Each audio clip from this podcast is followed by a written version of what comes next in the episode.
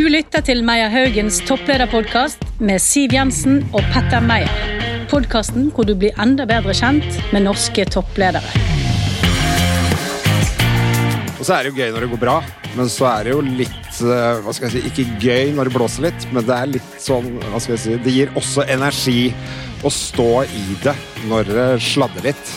Kjenner at Det du er- lever, liksom. Ja, det er sikkert noen medisinske vurderinger der som kanskje ikke bør gjøres.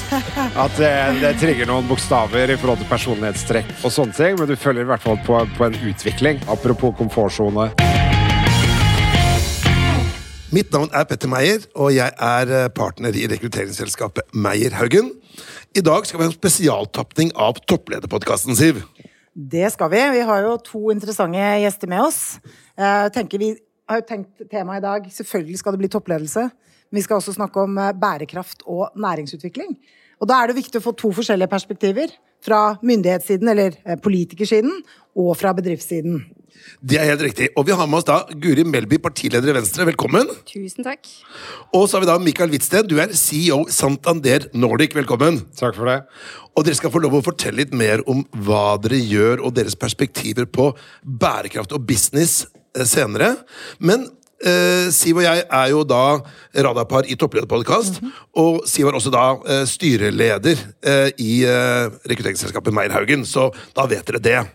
Men Siv, vi lurer jo litt på dette temaet, og også våre to deltakere.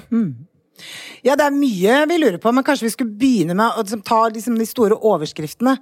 Um, fordi det er jo mange påstander om at bærekraft ikke er forenlig med eh, å drive business, ikke sant? Eh, men dere er åpenbart av en annen oppfatning. Kan du ikke begynne du, Mikael, så si litt om hvorfor du er så passionate på dette?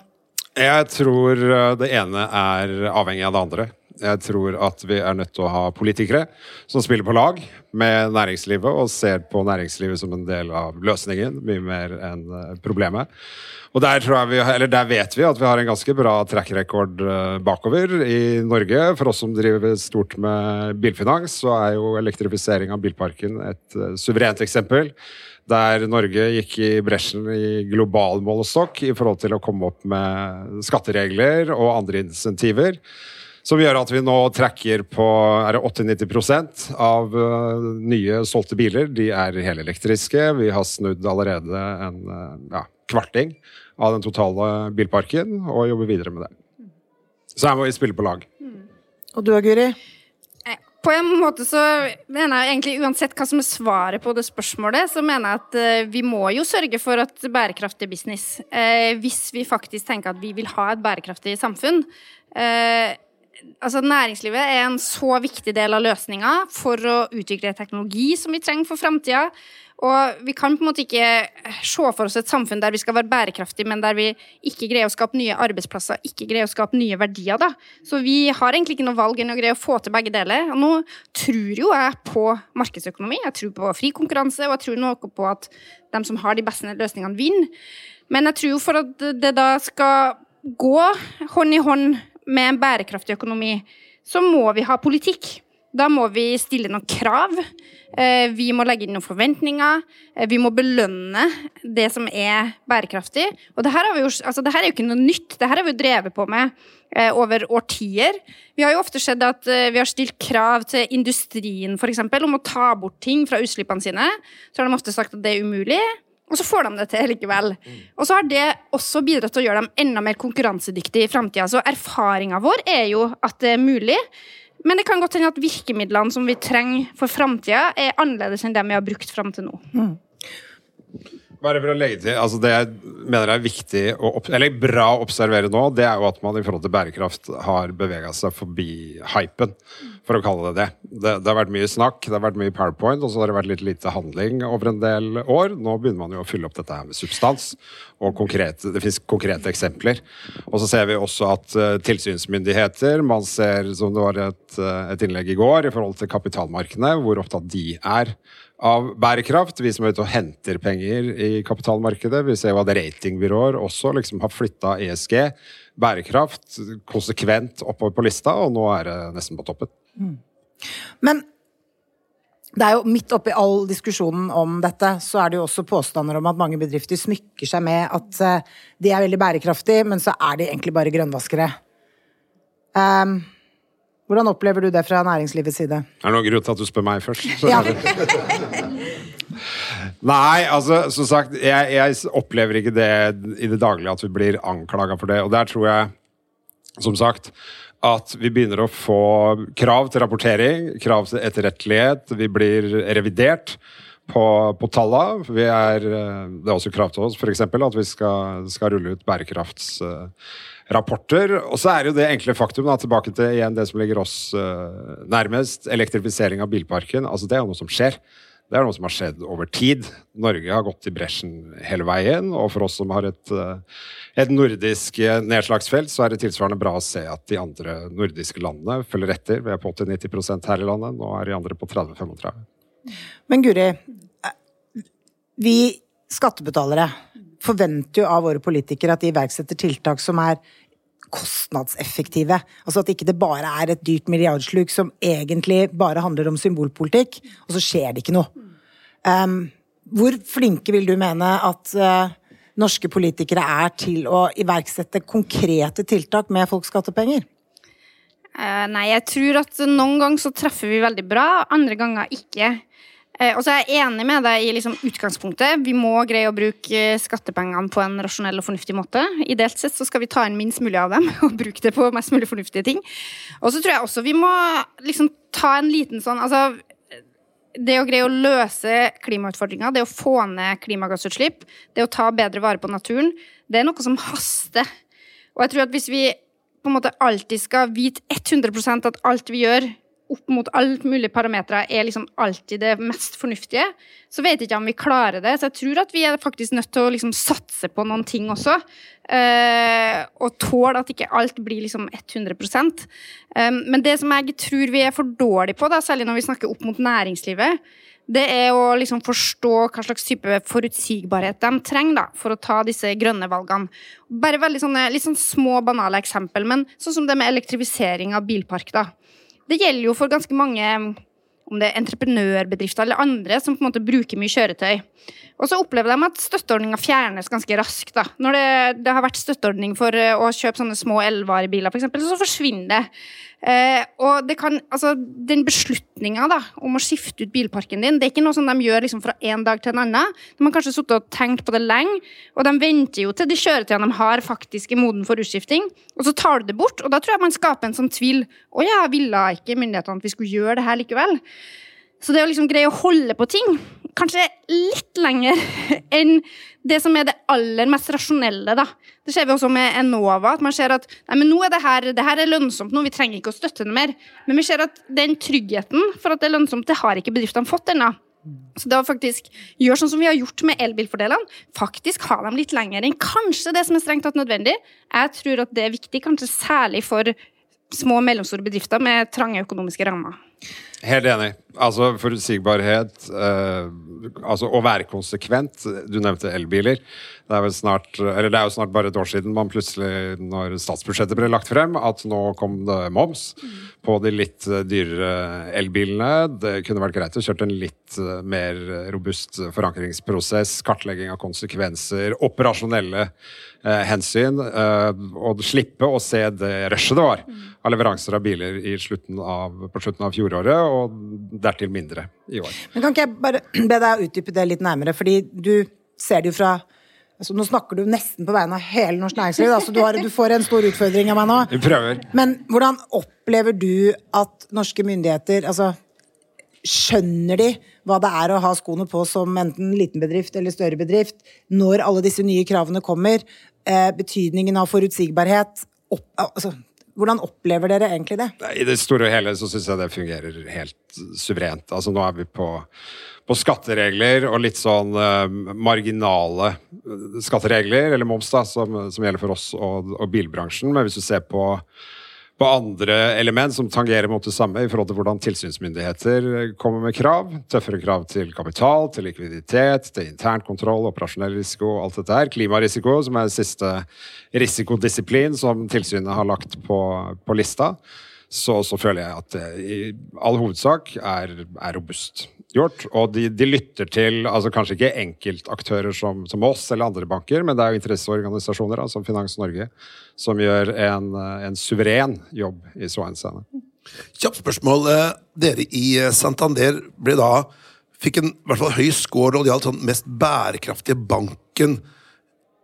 Fortell litt, Hvordan kan man være en bærekraftig bank? ja, vi, vi, fikk en Ja, vi var vel nummer én nå sist i en eh, global uh, ranking. Og altså, det første de må gjøre da, er å feie for egen dør. Sørge for at din egen operasjon er, er bærekraftig. At om det ikke er nullutslipp, så er, så er det lavutslipp. Uh, og det vi i særdeleshet da fikk honnør for, det er jo at vi på globalt nivå er en av de største i forhold til finansiering av fornybar energi. At vi har en klar bærekraftstrategi, bærekraftsstrategi eh, som vi ikke liksom har kommet i nyere tid, og så har den blitt lagt i skuffen, men den har vært der over tid, og vi har nå begynt å, å levere på, på den. Og så er det også i forhold til ikke bare miljø- og bærekraftsbiten, men på, på S og G, altså social og governance-biten også, at vi har tikket av en del bokser der. Og det har da heldigvis blitt lagt merke til, og det liksom rubs off på oss oppi skjæret her også. Ref at vi da kom med en egen bærekraftsrapport. At vi også er godt fremme i skoa i forhold til dette her, og stiller i økende grad krav ikke bare til oss selv, men til leverandører og etter hvert også andre kunder og partnere. Helt ut på, på det nivået. Dette er jo da en topplederpodkast, og nå har vi da pratet litt om dette med business og eh, bærekraft. Tenkte vi skulle se på dette med toppleder, for det er jo også derfor dere er invitert her. Eh, dere har vært toppledere lang tid, men i ganske forskjellige bransjer. Det er lov å si. Så jeg tenkte eh, begynner med deg, da, Guri. Hva er det beste og det verste med å være toppleder? Ja, For det første så føler jeg at tre år er sånn kjempelang tid. Da. Eh, jeg har vært leder i Venstre i tre år, men det er klart jeg har vært med i toppolitikken litt lenger enn det. Og selv om jeg tror at Altså jeg, tror, jeg, tipper at de fleste som sitter her, faktisk er ledere av en eller annen sort. Eh, og jeg tror nok at eh, veldig mange forskjellige virksomheter er veldig forskjellige. Da. At lederjobben i ulike virksomheter er ganske forskjellig. Eh, og det å være en politisk leder er ganske annerledes enn å være leder i et stort uh, multinasjonalt selskap. Men så er det helt sikkert en del ting som er felles. Og det er jo den der, det som er liksom kjennetegnet ved lederrollen, er jo det ansvaret som du har, da. Eh, det er noe med at eh, alle som er under deg, selvsagt har dem også ansvar, men til syvende og sist så står ting og faller på deg. Og det er jo en blanding av veldig gøy og veldig spennende, og også veldig skummelt. Eh, det er jo bra når det går bra. Du har jo da veldig stor innflytelse Altså, vi vet jo at sånn undersøkelser når folk eh, skal liksom vurdere hvor god jobben sin er, så er det å ha sånn medbestemmelse i egen jobb en ganske viktig ting. Det har jo toppledere. Så de fleste av oss får lov å forme både vår egen hverdag, og ikke bare vår hverdag, men egentlig ganske mange andre sin hverdag også. Måter vi jobber på, hva vi jobber med. Eh, og det gir jo en sånn veldig god følelse. Men det er klart, hvis det ikke går bra, hvis du har tatt en del valg som gjør at eh, det slår tilbake på veldig mange andre, så er jo det kjempetøft å stå i det. Eh, så jeg tror nok det beste er liksom den der medbestemmelsen. Og så det verste er det å ta liksom tøffe beslutninger når du kanskje har litt for lite informasjon til å, til å gjøre det. Jeg tenker Eksempler på det siste var jo sånn typisk å være statsråd i en pandemi. Skal du stenge skoler eller ikke? Skal du tillater folk å samles eller ikke. Og du har, du, det går liksom ikke an å si du, eh, la oss vente en måned til for å få et litt bedre beslutningsgrunnlag. Du må bare ta den beslutninga der og da. Det er litt sånn 40-60 sjanse om du treffer riktig. Det er jo det som er tøft, men også gøy hvis du får det til. Jeg trodde kanskje du skulle si at det verste var eh, terningkastene etter partilederdebatten eller sånn? Ja, vet du, dem eh, kjenner jeg Foreløpig så har jeg ikke brydd meg så veldig mye om dem. Jeg har greid å få både toer og femmer. Og der tror jeg det er noe med Altså, hvis du liksom eh, Du må lage deg dine egne parametere for hva som er viktig, og hva som er bra, da. Det er klart, det er ikke sånn at man ikke bryr seg, men hvis du vet med deg sjøl Ja, men jeg fikk sagt det som jeg hadde bestemt meg for å si. Jeg tror at liksom våre folk fikk med seg det som var viktig her. Så jeg, jeg tror egentlig ikke at liksom, nasjonen har den beste vurderinga av hva Venstres velgere er opptatt av. Så hvis du på en måte greier å ha den tryggheten, så går det stort sett greit. Mikael, beste og verste med å være toppleder?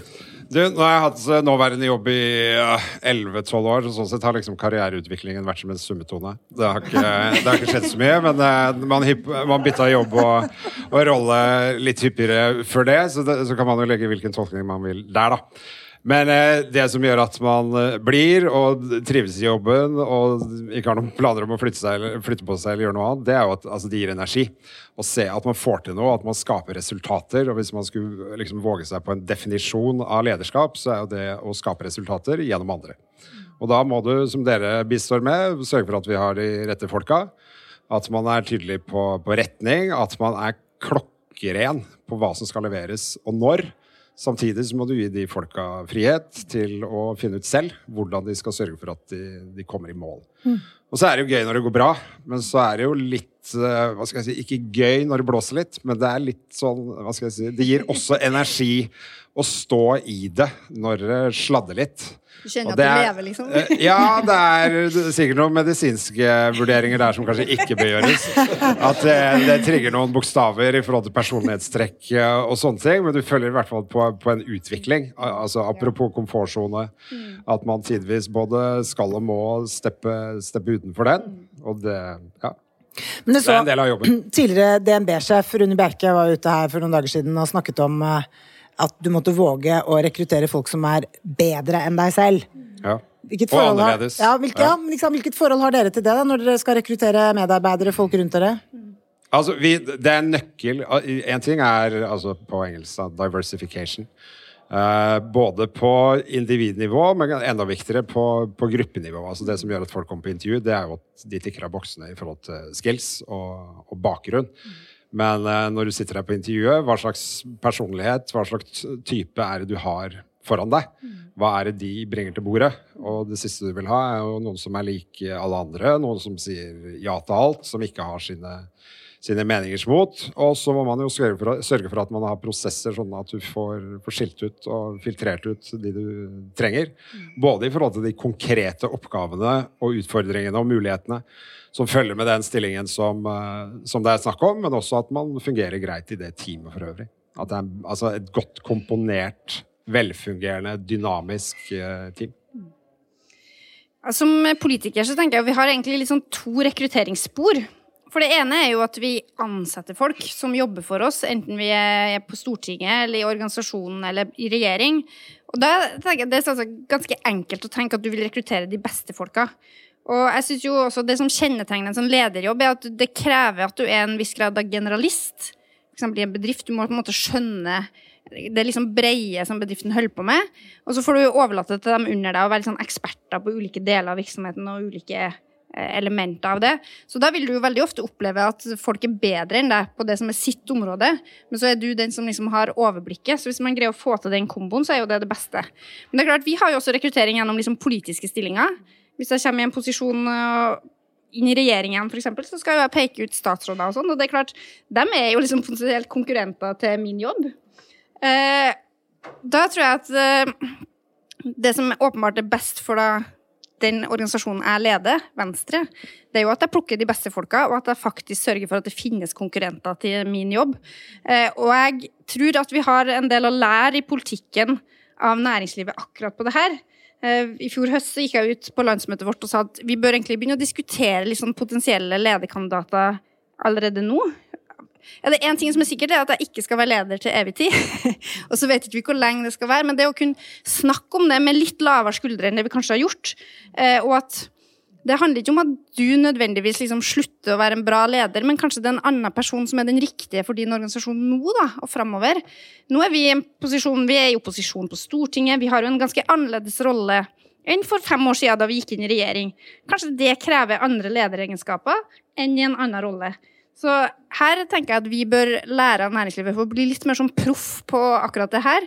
Så er ikke alle som er så heldige som Siv og får liksom bestemme sin egen avgang, da.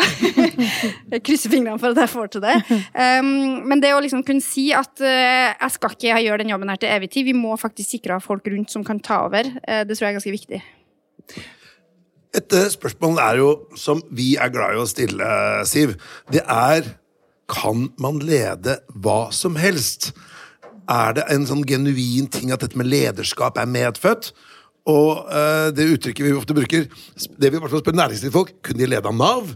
Uh, og uh, Mikael, kunne du vært sjef i Nav? Nei.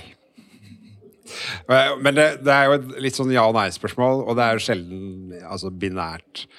Eh, svar på det. Så det, det handler jo om eh, grader, men jeg tror det hjelper å ha noe bransje-, næring-, industrikompetanse i forhold til hva du skal, skal, drive med. At du har innsikt, forståelse i forhold til de produktene du har, og som du skal selge, forutsatt at det er en da kommersiell virksomhet, forståelse i forhold til hvordan markedet fungerer, hvordan er konkurranselandskapet, hva er det som trigger altså kunder og deres, eh, deres interesse. Så, men, jeg, men, jeg, tror ikke det er umulig. Jeg tror altså Lederegenskaper er noe du tillegger deg. Uh, selvfølgelig over tid, og som er ganske generiske og kan settes i arbeid på, på, på, forskjellige steder. Men jeg vil presisere viktigheten av altså Skal du bli en god leder, så må du lede. Skal du lede folk, så må du lede folk. Og nå stepper jeg sikkert på en del eh, BI- eller handelshøyskolestudenter, men å studere management, f.eks. Tro at man, Nå tar jeg litt langt, men hvis du tror at du kan teoretisere deg frem til å bli, bli leder, da tror jeg du kanskje ikke setter deg selv opp for suksess sånn umiddelbart, i hvert fall. Blir, og Jeg har snakket om dette her før, og da har jeg dratt analogien i forhold til hvis du skal studere engelsk. Ikke gjør det på Universitetet i Oslo kom deg ut til et engelskspråklig land og få liksom den multidimensjonale greia. Og lederskap tror jeg handler om akkurat det samme. Men du da, Guri, kunne du ledet uh, Arbeiderpartiet? Nå har jeg studert engelsk på Universitetet i Trondheim, da, så jeg har jo um, Det går an. Det er fullt mulig. Ja, det er fullt mulig. Um, jeg vet ikke om jeg ville ha leda Arbeiderpartiet, i hvert fall. Um, nei, men Altså, jeg tror Altså, jeg er jo helt enig med Mikael eh, at man kan ikke lede hva som helst. Det er klart, jeg tror det er mindre forskjell, tross alt, da, på å lede Arbeiderpartiet Venstre enn på å lede Venstre og Santander. Så det er jo noe med at politisk organisasjon har liksom sin egen eh, ja, eh, sine egne ferdigheter som kreves da, av en leder, som du kanskje ikke trenger i din jobb. Um, men så tror jeg jo også at uh, jeg tror også at det med egenskaper uh, slår veldig mye av faglig ferdighet når det gjelder hvor egna du er til å være leder, sånn i utgangspunktet. Så jeg tror at du liksom på et tidlig stadium da, i studiet kanskje kan plukke ut hvilke mennesker som er mest sannsynlig å bli leder, litt sånn uansett hva slags fagfelt de går inn i. Uh, Men jeg opplevde i hvert fall at det da jeg ble liksom veldig brått kunnskapsminister midt i en pandemi, så var det en utrolig fordel å faktisk ha en sånn lærerbakgrunn og kjenne sektoren ganske godt. Så det er godt mulig at det hadde gått fint uten, men det ga meg masse gratis. Uh, det er noe med å liksom uh, snakke litt det samme språket. kunne dra på besøk på en skole, og så skjønner du hva de snakker om når de sier at ditt og datt er vanskelig. At du liksom slipper å ta den forklaringa. Det gir jo en troverdighet da, når du kommer og forteller dem vi vil at dere skal jobbe sånn akkurat nå. Eh, så får du en slags troverdighet på at du skjønner hva det her går ut på. Eh, men i en vanlig situasjon så tenker jeg at det hadde gått helt greit også å gå inn på en annen rolle. da. Men det gir masse gratis, det gir masse kred i den organisasjonen du er i. Så jeg tror nok den enkleste veien til å bli en god leder er å gjøre det i det fagfeltet du kjenner til. Men det hadde jo vært veldig gøy, f.eks. For, for Venstre, da, å hente inn en leder fra, om det er fra offentlig sektor eller fra en privat bedrift og liksom testa litt hvordan det hadde funka. For jeg tror vi har veldig godt av å bli utfordra på de måtene vi jobber på. Ja, det det. Vi kunne tatt et sånn jobbbytte. Jo, kanskje vi skal, en, en ja. uke. Det er sånn mellomvalgsår neste år. Vi kan ja. gjøre det da. Jeg gleder meg til å se Mikael i partilederdebatt i morgen. vi tar det Arendalsuka neste år. Ja, nettopp. Jeg vil meg å lese på Venstres partiprogram litt i morgen. Bare et par brosjyrer. Jeg tror han har det i ryggmargen. Ja, ja, selvfølgelig. Men uh, var det sånn at når dere vokste opp, da tenker de jeg skal jammen meg bli toppleder. Nei. Overhodet ikke. Det er bare en lang streng av tilfeldigheter. Det er jo ikke sånn at man i åttende klasse på ungdomsskolen eller tredje gym Ja, nå skal jeg bli sjef. Det, det, er jo veien blir til mens man går, i hvert fall for min del. Uh, starta som uh, ja, kreditt- og compliance. Uh, Eh, analytiker i et lite finansieringsselskap, og så fikk jeg ansvaret for et lite team på tre analytikere, og så liksom det funka, og så fikk man etterpå eh, ansvaret for en hel, eh, hel, funksjon, og så har det liksom balla på seg fram til den, den, jobben man har i dag. Så det, nei, overhodet ikke mye mer tilfeldigheter enn en planmessig tilnærming. Så, men man kanskje kan ta til inntekt at man har gjort noe riktig eh, underveis, men det går litt tilbake til det jeg sa i sted. Altså, dette her er for meg altså, all, i all hovedsak ting du lærer deg underveis. Umulig å lese deg til. Du kan ikke liksom igjen lese deg til å ta den tøffe samtalen. med, med medarbeidere. Da må du sitte foran dem og se dem i øya og gi dem klar beskjed, enten den eller andre veien. Og du da, Guri? Det er kanskje litt annerledes hvis du på en måte er gått i sånn ungdomsparti, og så har du liksom blitt eh, valgt og tillitsvalgt. Sånn, da er det vel kanskje litt lettere å ha en sånn partileder i magen? Men jeg har jo aldri gjort det. Jeg har jo ikke vært leder av Unge Venstre. Jeg har alltid egentlig tenkt at politikk var en sånn hobby som var veldig gøy å holde på med ved siden av. Jeg var jo lokalpolitiker fra 99 til 2017. Litt som heltid, men mest som deltidspolitiker, egentlig. Og var i vanlig jobb. Eh, Så det å liksom tenke at politikk skulle være en jobb, var egentlig ganske fjernt for meg. Um, og jeg føler vel egentlig at jeg stritta ganske mye, mye imot å bli partileder òg. Husker faktisk at uh, da jeg ble spurt om å være kunnskapsminister, så tenkte jeg jo at her ligger det liksom en slags eh, tanke på at, at eh, det kan hende at jeg også skal bli partileder. Men det skal jeg faen ikke bli, altså. Det, jeg kan godt bli statsråd, men Så lettlurt kan Altså, man være. Ja, ja, ja. Jeg har jo liksom sett hva Siv og Trine og denne gjengen har holdt på og tenkt det har jeg ikke noe behov for å hjelpe med. Veldig godt å være den der sånn nummer to, tre, fire som får lov til å være med på alt det som er gøy, men uten å stå der i partilederdebatten i morgen, da. Uten å på en måte ta de liksom tøffeste fightene. Så det å ligge sånn rett bak er jo egentlig en veldig god posisjon. Men vi har jo Siv Jensen her også. Uh, Siv, du uh, tenkte sikkert at For du kom inn i politikken veldig tidlig. Hadde du et ønske om å bli leder i Frp? Nei. Aldri. Det, det streifet meg ikke som problemstilling engang, før det, før det plutselig ble sånn. Men, eh, så det er jo jeg deler mye av Guris uh, vurderinger på det. det. Og det er litt den der. Jeg var jo nestleder i ganske mange år. Uh, og det var trygt, det. Fordi det var ikke, ikke toppsjef. Det var alltid en over deg som kunne ta de vanskelige valgene.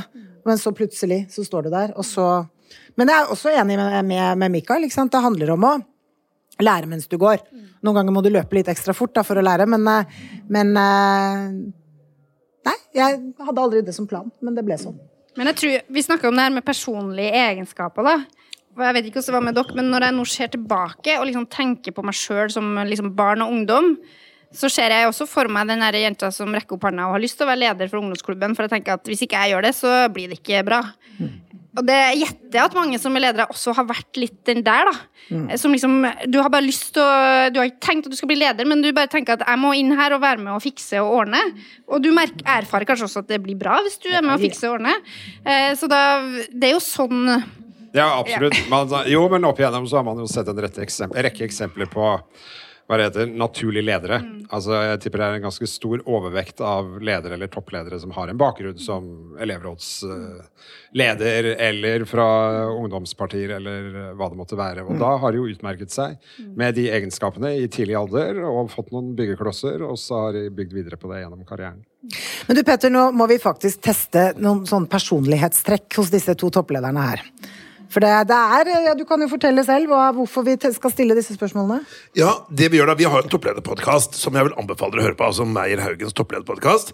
Vanligvis har vi én, men siden vi på en måte er Arendalsuka, så har vi jo da ikke bare det, du får én gratis. Eh, og det vi har gått i forskningen, da, sett hva slags personlige egenskaper er det som er de mest eh, dominante når vi ser på ikke bare ledelse, men toppledelse. Og der er forskningen egentlig ganske unison på hva det er. Og nå skal vi da lese opp disse, eh, disse personlighetsegenskapene. Og så skal, vi da, skal dere svare da annenhver gang. Så kan dere si ja eller nei. Og så kan dere nyansere bitte litt, og så kan dere ta den store nyanseringen etterpå. Og da skal Siv ta liksom, den grundige analysen. er dere klare? Kanskje vi får en veiledning bort fra lederjobben. Ja, ja, you never know. Så uh, ok. Um, den, eller det personlighetstrekket da, som forskning peker mest på, skiller toppledere fra andre personer, er å være stresstolerant. Resilience.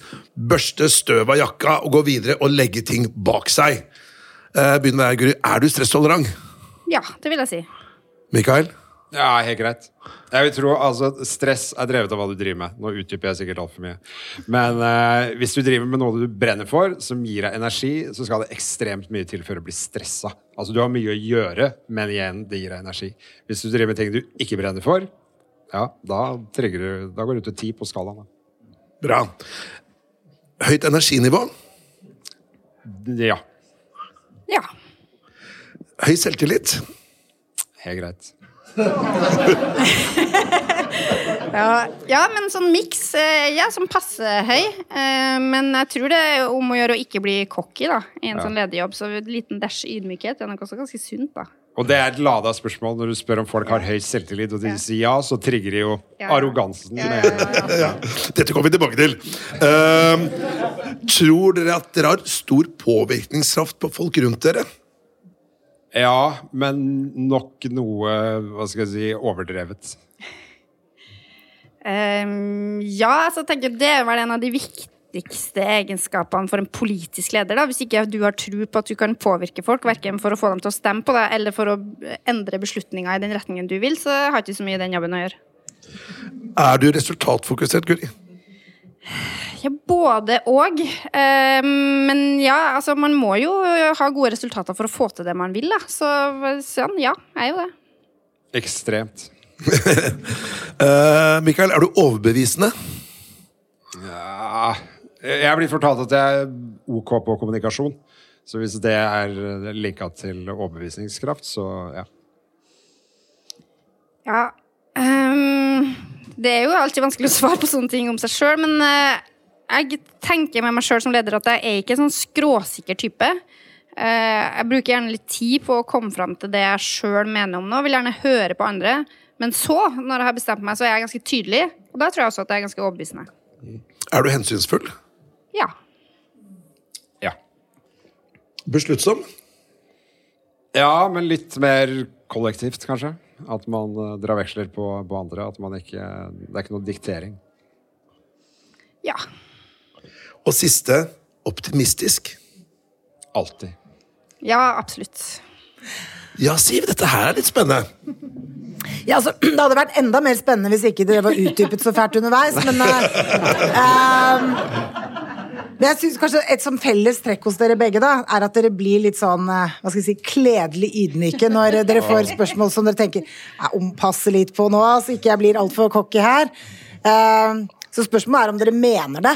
Eh, Den der ydmykheten. eh, Eller liksom bare skjuler at dere faktisk eh, har høy selvtillit. For der syns jeg dere liksom ble veldig beskjedne, begge to.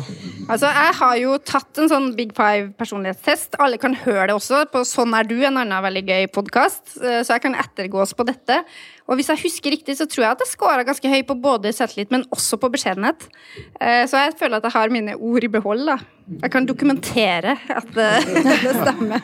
Altså, For du slår ikke meg som en type som ikke har selvtillit. Nei, men det var hyggelig å høre.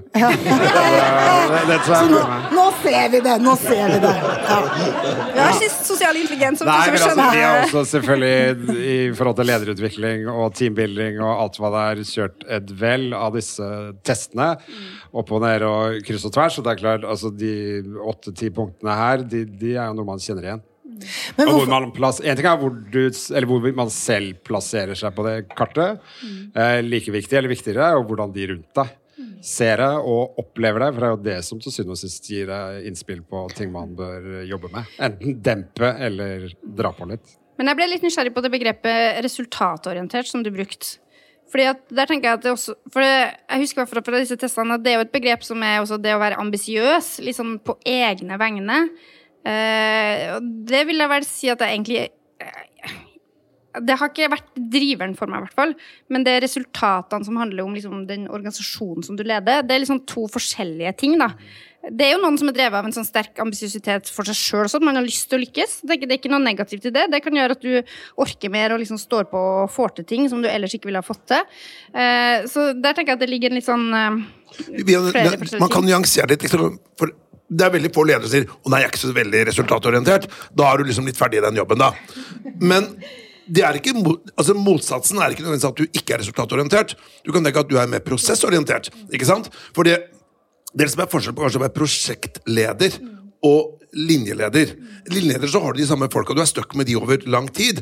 Du kan ikke liksom piske de fram og, og skvise den siste dråpen av sitronen eh, hver dag, for da, da slutter de.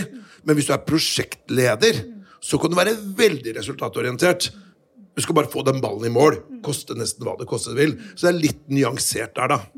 men også på spørsmålet om, om eh, besluttsom, så gikk dere noen omveier. I hvert fall du. Og, og Ja. da hørte jeg på en måte at det, altså, din nyansering på det, det var at jo da, du kunne godt ta beslutninger, men du skulle ha med deg noen medarbeidere på veien. Jo, men det tror jeg i forhold til kontinuerlig læring, utvikling som, som leder, så tror jeg nok jeg Eller jeg vet at jeg tidligere var mer Eller mye raskere til å ta beslutningen. Eh, Jeg var mye raskere til å fortelle teamet min egen mening før de hadde sagt hva de uh, mente.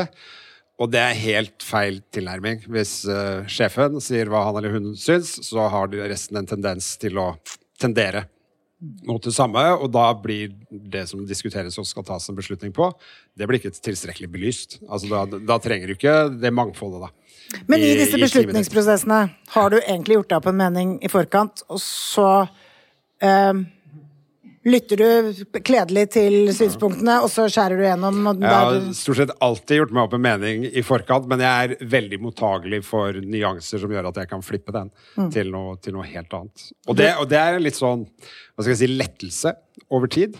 At man har kommet dit at eh, vet du hva, jeg er ikke så bastant som man var for 10-15 eh, år siden. At man takk og lov har blitt eh, mer lydhør, og ikke minst at man bruker de folka som man har eh, rundt seg. Det er et ordtak som heter at hvis du skal gå raskt, så skal du gå aleine. Og skal du gå langt, så går du sammen med noen. Og jeg tror nok det er den største feilen mange ledere gjør, at de er liksom så veldig tydelige på at 'jeg skal dit'. For de har kanskje de har sånn langt informasjonsforsprang, de har tenkt på dette lenge. Og så er det litt sånn, hva skal jeg si, litt sånn påtatt forankring, da. Eh, Men jeg, jeg tenker jo at Ja. besluttsomhet er jo ikke bare liksom eh, ja, skal vi gjøre sånn eller sånn til syvende og sist? Det er også ganske mange sånne små beslutninger på veien dit, og hvordan skal vi gjøre det, og hvem syns jeg skal lede det prosjektet som er med sånn og sånn.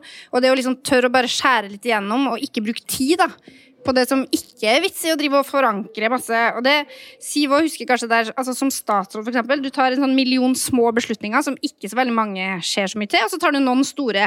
Og det å liksom faktisk greie å bare Ok, mange av disse beslutningene Det har ikke nødvendigvis masse å si heller om du går ene eller andre veien. Det er å liksom bare greie å skru på den knappen og bestemme seg for ting.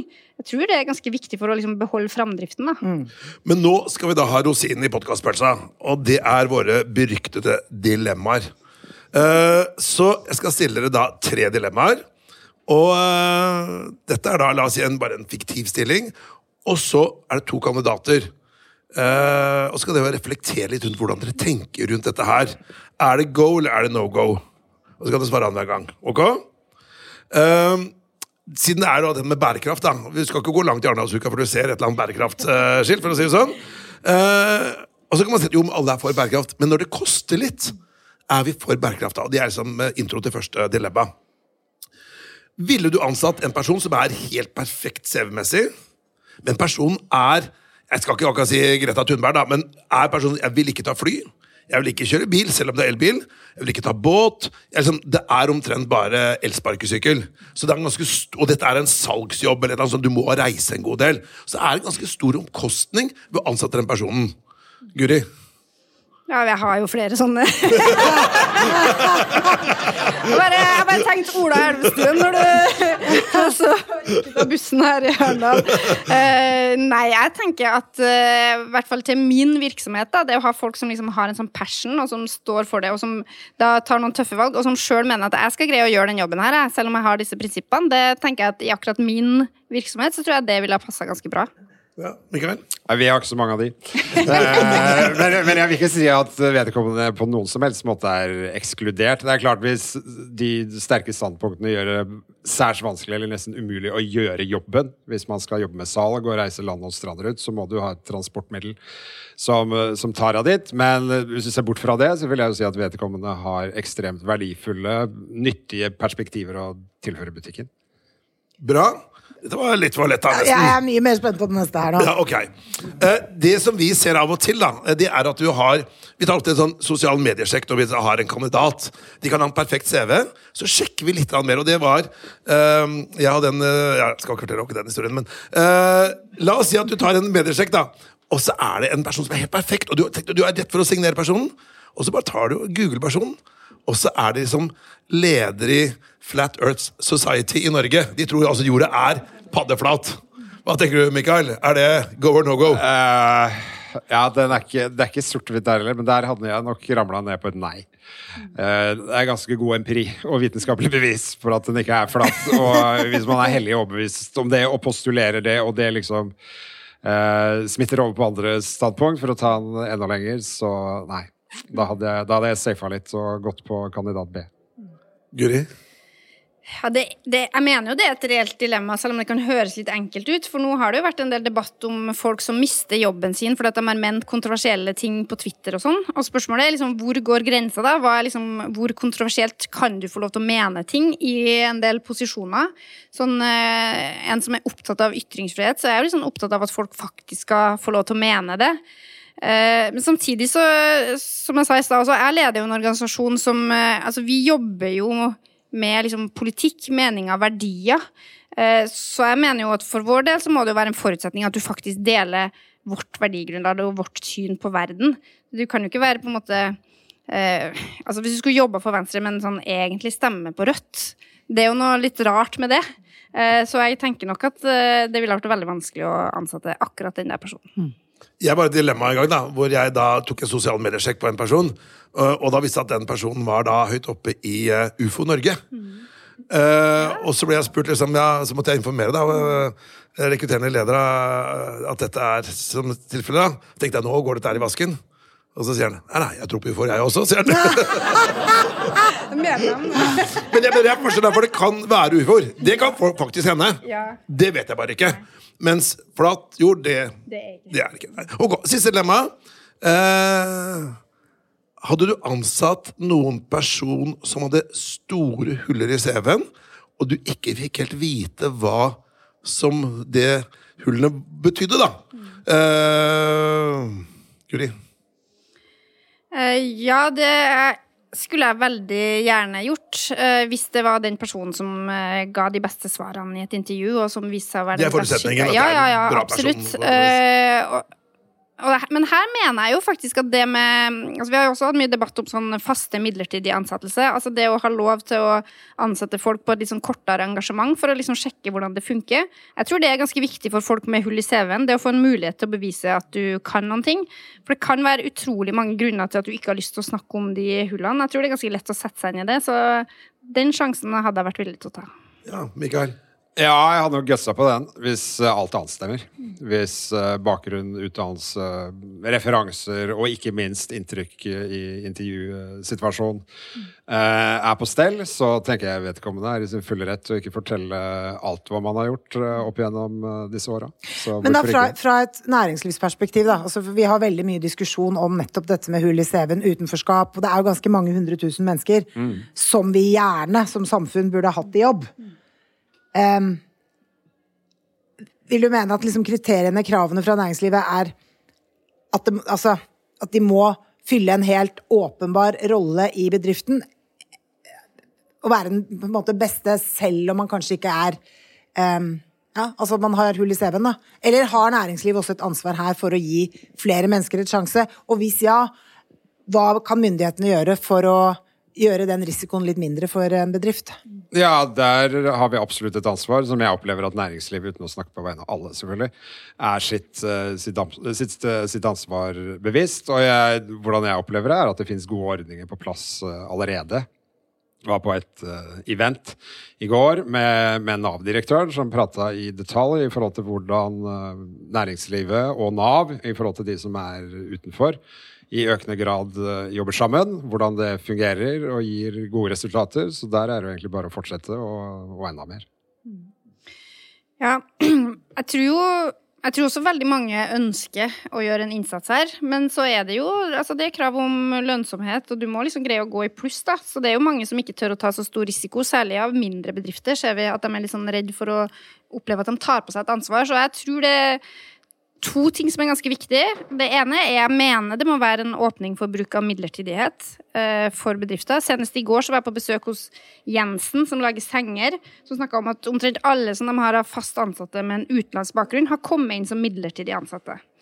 Og så tror jeg at for en del så trenger man at eh, støtten fra Nav varer litt lenger enn den gjør i dag. Eh, At det er litt lettere for en bedrift å gå inn på en forpliktelse, for man vet at Nav eller en eller annen liksom offentlig ordning skal være der litt lenger. Tenkte vi skal gå inn for landing her, men vi har mulighet til å ha et, ett eller to spørsmål fra publikum. Hvis det er noen som lurer på noe rundt dette her med bærekraft og business, eller noe annet.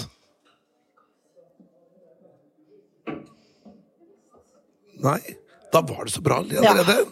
Tydelig, klart. Dette var bra, det. Absolutt. Og vi fikk svar på det vi lurte på. Ja. Mange gode ideer hvordan vi kan eh, kombinere bærekraft og business, syns jeg. Og så er det spennende å høre litt hvordan dere er som personer, som toppledere. Og så vil jeg bare si lykke til videre i den viktige jobben dere gjør. eh, og lykke til i partilederdebatten i morgen. Tusen takk. Og lykke til i viktige jobben dere gjør i Santander. Tusen Takk for takk for at dere kom.